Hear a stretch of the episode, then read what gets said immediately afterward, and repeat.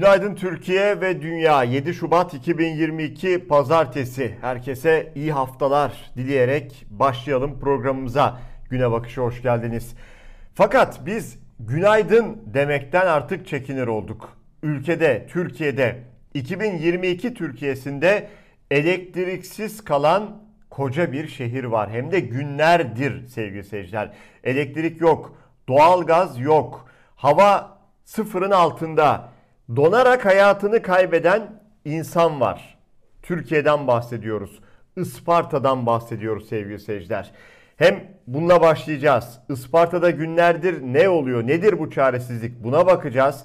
Sonrasında ekonomiye dair yine önemli haberler var.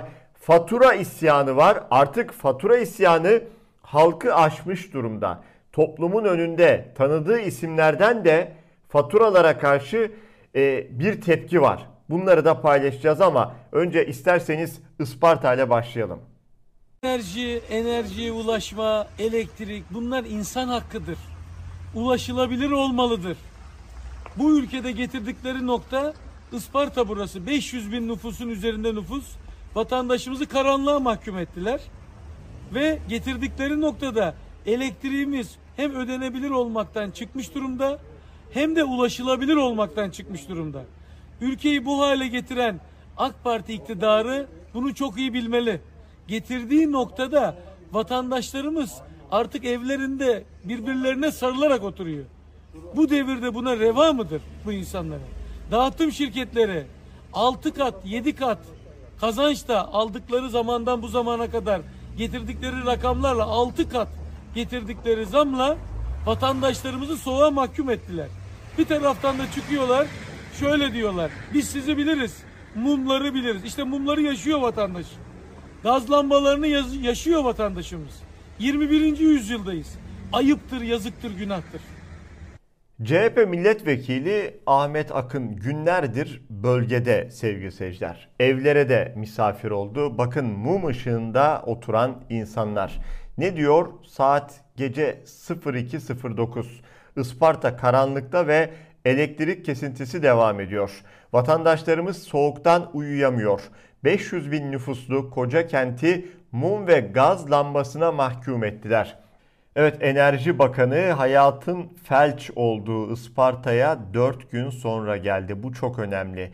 Hatırlatalım isterseniz Cumhurbaşkanı Recep Tayyip Erdoğan geçen hafta yaptığı konuşmada ne diyordu? Bizden önce diyordu elektrik bile yoktu mum ışığı vardı. Gaz lambasında insanlar oturuyordu diyor.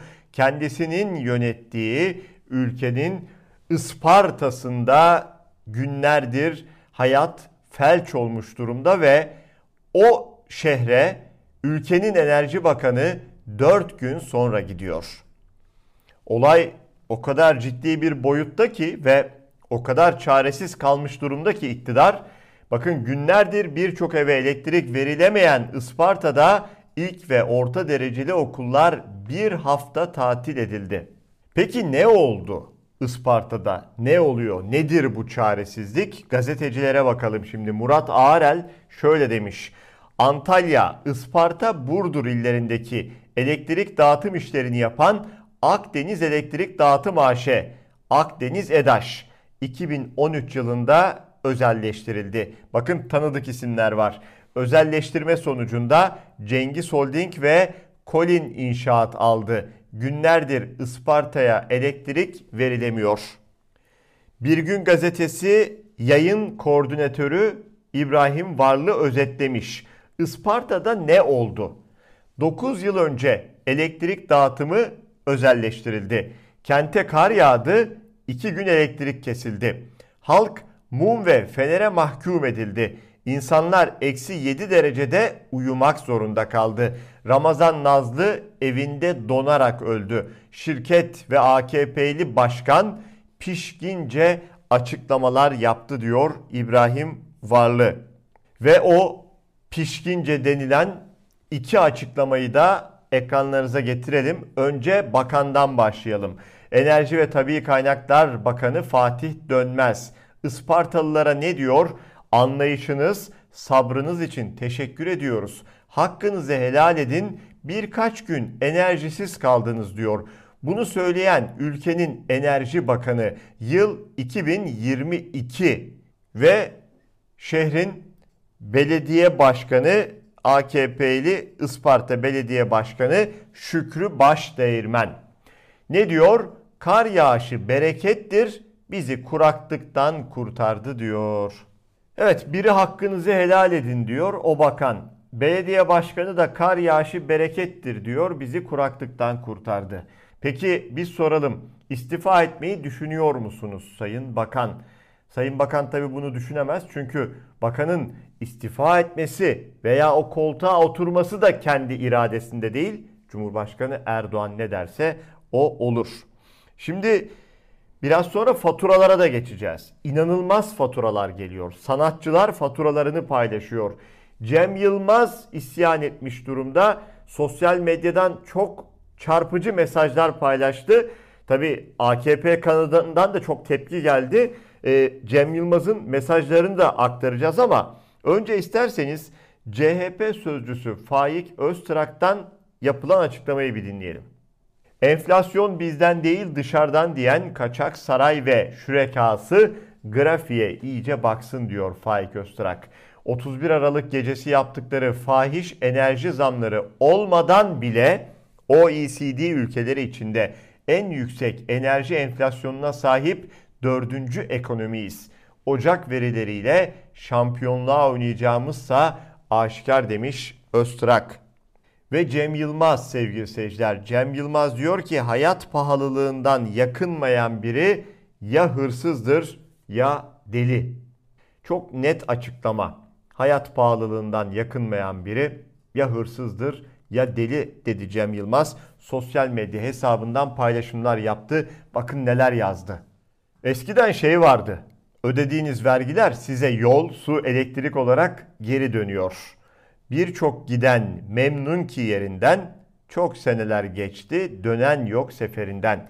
Bence hayat pahalılığından yakınmayan biri ya hırsızdır ya deli iyi günler. Otomobil Avrupa'da bu kadarken bizde niye bu kadar diyorsun? E var ki alıyorsun diyor. Lan her şey bu kadar pahalı olmasa sen de alacaksın. Her şeyi simit üzerinden konuşmaktan zaten şüphelenmek lazım. Bari simit pahalı olmasın diye ideal mi olur? Peh demiş Cem Yılmaz. Ve bu deveyi paylaşmış. Hani vardır ya deveye sormuşlar neren eğri diye. E, nerem düzgün ki demiş. Abi her şey düzgün sen abartıyorsun diye bir paylaşım yapıyor Yılmaz tırnak içi ifadeyle kendisine yapılan eleştirilere bu deve ile cevap veriyor. Abi her şey düzgün sen abartıyorsun. Şu fotoğrafa bakınca düzgün bir yer göremiyoruz maalesef. Çok daha beteri de gelecek. Biraz sonra çok daha beterinden neyi kastettiğimizi de yine önemli bir VTR ile e, anlatacağız ama şu faturalara bir bakalım. Evet Şirin Evler Balkan Lokantası. Artık öyle bir noktaya gelmişler ki esnaf öyle bir noktada ki o dükkanın, lokantanın kapısına bunu yazmışlar. Bize gelen elektrik faturası 45.786 TL. Tanıdık bir isim, meşhur bir isim sevgili seyirciler. Müzisyen, sanatçı Ceylan Ertem. Faturasını paylaşmış, tepkisini de şu sözlerle ortaya koymuş. Arkadaşlar bu işin artık suyu çıktı. Kardeşimin ve benim odalarımız artı salonda bir petek yanıyor. Denemek istedik. Kombi de epey kısıkta çalışıyor. Ve sonuç bu. Siz bizimle dalga mı geçiyorsunuz? Haram ola diyorum kusura bakmayın diyor Ceylan Ertem ve faturası 3786 Türk Lirası. Orada da son ödeme tarihi var. 14 Şubat 2022 sevgililer gününe denk gelmiş o son ödeme tarihi. Profesör Doktor Veysel Ulusoy, ekonomist, iktisatçı. O da kendi fatura tutarını paylaşmış. Diyor ki son 4 aydaki doğalgaz fatura bedelleri tamam kış koşulları anladık ama nereye kadar Sayın Ankara demiş. 174 liraymış. Sonra 367 liraya çıkmış bir ay sonra. Sonraki ay 607, 657 lira olmuş ve en son ay 1124 lira doğalgaz faturası. Ve yurdun dört bir yanından bu görüntüler geliyor sevgili seyirciler. Faturalarını yakan vatandaşlar. Elektrik faturaları, doğalgaz faturaları. Dedim ya yurdun dört bir tarafından benzer görüntüler. Peki bu iş nereye gidiyor? Nasıl bir tablo bizi bekliyor? Vahim bir tablonun beklediğinin uyarısını yapıyor Profesör Doktor İbrahim Öztürk. Moonstar TV ekranlarında biliyorsunuz her pazar program yapıyoruz kendisiyle. Adını koydu. Adı İflas 2022. İflas 2022. Erdoğan'ın 2023'e bu işi taşıma imkanı yoktur. Ama ben size bir şey daha söyleyeyim. Erdoğan'ın seçime gitme ihtimali de gittikçe ortadan kayboluyor. Evet seçim satım halinde tutacak Türkiye'yi. Evet seçim olacakmış umudu. Bu çok önemli Turan Bey. Türkiye patlamasın diye seçime zamanında gideceğiz umudu veriyor Türkiye'ye Erdoğan. Erdoğan seçime gitmemenin bütün altyapısını bu arada çaktırmadan yapıyor. Maalesef seçim olacak umuduyla teskin ediliyor halk. Gerçekte ise seçimin bütün ortamı sistematik olarak yok edilmektedir. Ve böyle bir ortamda hükümet halka diyor ki getirin o dövizinizi. Götürün bana verin ki ben siz bana verdiğiniz gün satayım ki döviz artmasın. Böyle bir şey olamaz. Böyle bir şey olamaz. Bir ülkeye bu zarar verilemez. Bakınız dem tutmadı ama 12-13 milyarın üzerinde bir parayı tehditle ittirerek kaktırarak döndürttüler. Peki soruyorum Merkez Bankası rezervleri niye artmadı? Aldıkları parayı anında satıyorlar. Niye? Hmm. Çünkü dövizi tutamıyorlar. Önümüzdeki aylarda döviz patlayacak. Ne kadar para bulmaya devam edecekler? Gurbetçiler ne kadar paralarını getirecekler Kanap Erdoğan'a? Ve Erdoğan her gelen parayı ne kadar süreyle gömüp gömüp gömüp e, dövizi tutmaya çalışacak? Türkiye bir korkunç bir enerji yeniden biriktiriyor. Nasıl ki 8'de böyle direndiler, direndiler, direndiler. 128 milyar dolarlar gitti. Devamında başka paralar gitti. Onlar bitince nasıl savunamadılar ve patladıysa Turan Bey şu an aynı enerji bir kez daha birikiyor. Bir kez daha fiyatlarında o patlama enerjisi birikiyor. Türkiye'de döviz önümüzdeki çok uzak olmayan bir dönemde aldıkları bütün paraları bataklığa gömseler de maalesef yeniden patlayacak. Cumhurbaşkanı Erdoğan'ın açıkladığı, uydurduğu da diyebiliriz sevgili seyirciler. Kur korumalı Türk lirası vadeli mevduat hesabı sistemi. Bu sistemi eski bakan, bugün Deva Partisi Genel Başkanı olan Ali Babacan bu sistemin adını şöyle koyuyor sevgili seyirciler.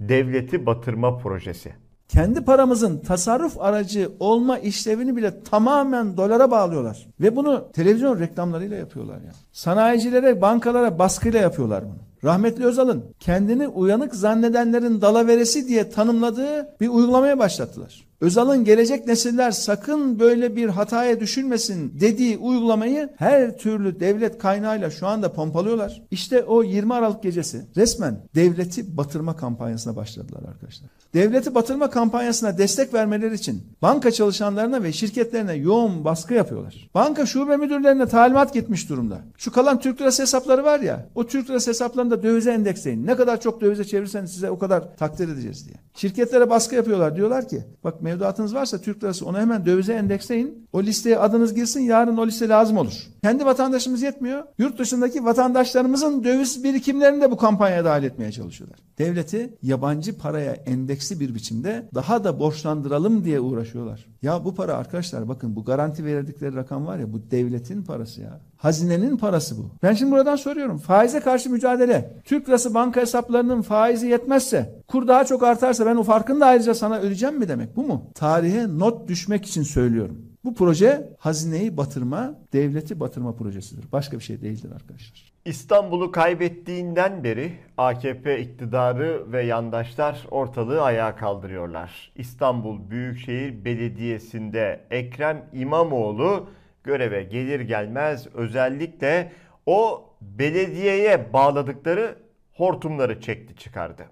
Tabi bu birçoğunun da sinirini bozdu, zıplattı. Çünkü belediyeyi, belediyenin kaynaklarını babalarının malı gibi yiyorlar, sömürüyorlardı sevgili seyirciler. O belediyenin kaynakları dediğimiz elbette halkın kaynakları, halkın parası. Bakın skandallar bitmiyor önceki dönemle alakalı. AKP milletvekili Fatma Betül Sayan Kaya'nın kardeşi Bakan Yardımcısı Fatih Sayan 18 yaşında İstanbul Büyükşehir Belediyesi'nde işe başlamış. Ne zaman? İstanbul Büyükşehir Belediyesi'nin önceki döneminde yani AKP'deyken. CHP Ankara Milletvekili Murat Emir Twitter hesabından yaptığı paylaşımda şunları söyledi. Fatma Betül Sayan Kaya'nın İBB'den aldığı 1,5 milyon TL'ye yakın astronomik burstan sonra bir skandalda kardeşi Bakan Yardımcısı Fatih Sayan'dan Paşam daha 18 yaşında üniversiteye başlar başlamaz İBB'de işe başlamış. Aslanlar gibi bankamatik memur olmuş aile boyu talan diyor. Evet aile boyu talan. Pek konuşulmayan Türkiye'de ama kanayan bir yaradır kadın cinayetleri. Kadın cinayetlerini durduracağız platformu paylaşmış. Biz de aktarmak istedik. Çok önemli bir noktaya dikkat çekmişler. Son iki yılda 29 kadının yüksekten düşerek öldüğü kayıtlara geçti. Hepsinin arkasında bir erkek vardı diyor kadın cinayetlerini durduracağız platformu. Kimsenin dikkatini çekmiyor mu acaba? Son 2 yılda nasıl oluyor da 29 kadın bir şekilde yüksekten düşerek ölüyor? Hep de kadınlar düşüyor. Arkalarındaki erkeklerse hep sıyrılıyorlar.